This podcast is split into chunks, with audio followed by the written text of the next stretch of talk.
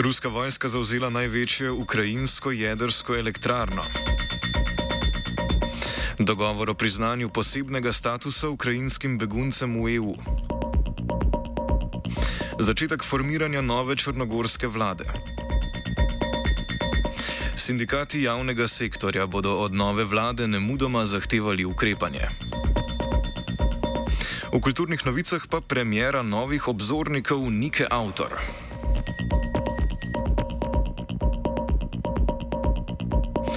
Dobar dan, Radio Student, poslušate. Oh. Poročila. Ruska vojska je zauzela največjo jedrsko elektrarno v Evropi v ukrajinskem mestu Zaporožje. Elektrarna naj bi proizvajala kar petino vse električne energije v Ukrajini, skupaj z ostalimi elektrarnami, ki so jih zauzeli, pa Rusi že nadzorujejo večino električne proizvodnje v državi. Elektrarno so po noči najprej obstreljevali, zaradi česar je izbruhnil požar, na to pa so jo zjutraj zauzeli. Elektrarna sicer še vedno normalno obratuje, ruska vojska pa je nazaj v stavbo spustila civilne upravnike. Po poročanju ukrajinske jedrske službe se je v času napada v okolici povečala stopnja sevanja, za zdaj pa ne kaže, da bi se poškodoval reaktor ali drugi radioaktivni elementi zgradbe.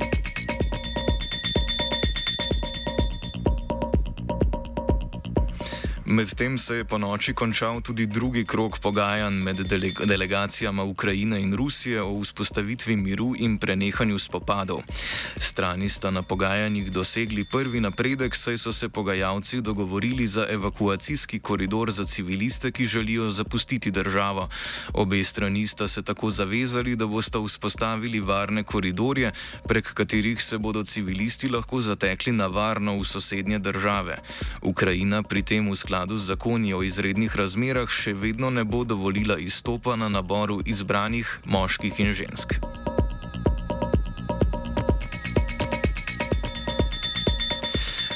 Notranji ministri Evropske unije so medtem dosegli dogovor o prvi uporabi posebne zakonodaje EU, ki dovoljuje začasno dodelitev večine pravic evropskih državljanov beguncem. Zakonodaja med drugim zagotavlja beguncem takojšnjo začasno zaščito, dovoljenje za bivanje ter dostop do dela, nastanitve, izobraževanja, socialnega varstva in zdravstvene pomoči. Sprejeti predlog sicer ni popolnoma enak tistemu, ki ga je najprej predlagala Evropska komisija komisija, saj je temu predlogu nasprotovala skupina višegrajskih držav in njihovih evropskih zaveznic. Po besedah slovenskega notranjega ministra Aleša Hojsa je države motila nejasna definicija beguncev v predlogu komisije. Sprejeti kompromisli predlog pa po njegovih besedah jasno določa, da zakonodajna sprememba velja le za državljane Ukrajine in za tiste neukrajinske državljane, ki so jim zaščito ali dovoljenje za bivanje v Ukrajini dodelili dodelili pred 24. februarjem letos. Razlogov za takšno posebno obravnavo beguncev iz Ukrajine tokrat minister Hojs ni ponovil.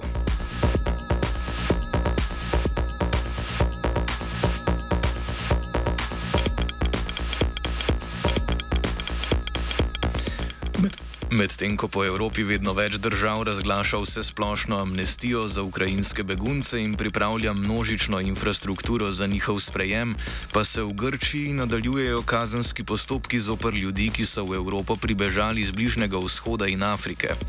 Tako se bo na sodišču v mestu Lesbos začel pritožbeni postopek zoper obsodbo dveh afganistanskih beguncev. Obsojenca sta grško obalno stražo obtožila, da so njihova plovila med poskusom porivanja njihovega čovna nazaj proti turški obali povzročila brodolom, zaradi katerega so morali begunce iz morja na to reševati isti čovni grške obalne straže. Po reševanju so jih pripadniki obalne straže po njunih besedah napadli in jo obtožili, da sta tiho tapca z belim blagom. Sodišče je pripadnikom straže pritrdilo in begunca obsodilo kljub glasnim protestom človekoljubnih organizacij.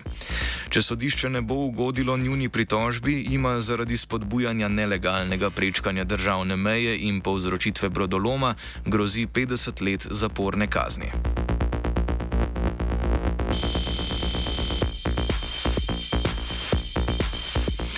Francoski predsednik Emmanuel Macron je potrdil številna namigovanja in uložil kandidaturo za nov mandat na aprilskih predsedniških volitvah.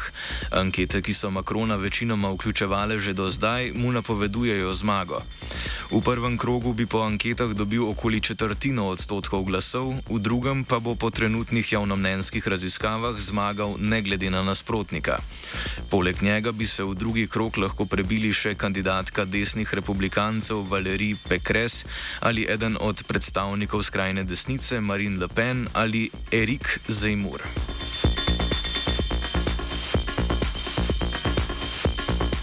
Novo vlado pa se po volitvah trudijo oblikovati v Črni gori, kjer je črnogorski predsednik Milo Đukanovič predlagal Dritana Abazoviča za novega mandatarja. S tem se je morda končno začela oblikovati nova črnogorska vlada, potem ko je parlament prav na pobudo Abazoviča pred natanko enim mesecem izglasoval nezaupnico premijeju Zdravku Krivokapiču.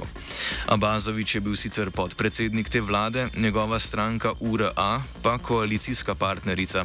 Po sporu s Krivokapičem je sklenil zavezništvo z Džukanovičevo stranko DPS, ki je Črnogoro vodila do, od osamosvojitve do zadnjih volitev pred dvema letoma.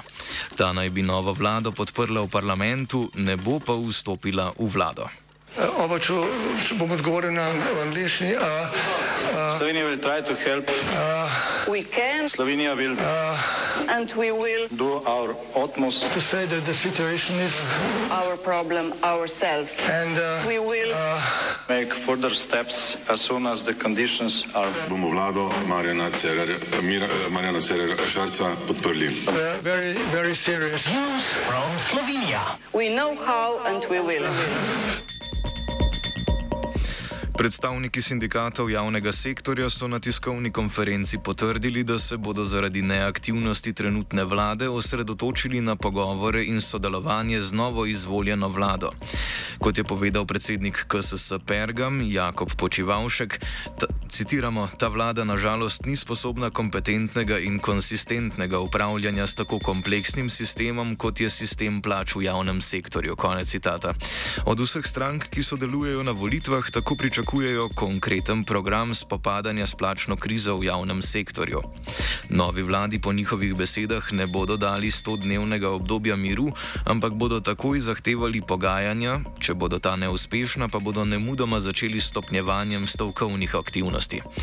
Po njihovih besedah stanje v javnem sektorju zahteva takojšnje ukrepanje, zdajšnja vlada pa v zadnjem letu ni storila potrebnih korakov za dialog z njimi.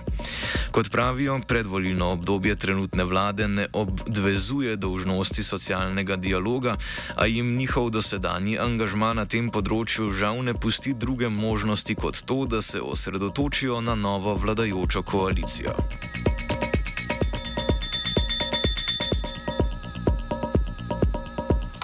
Office pisal koruza, sledijo pa kulturne novice.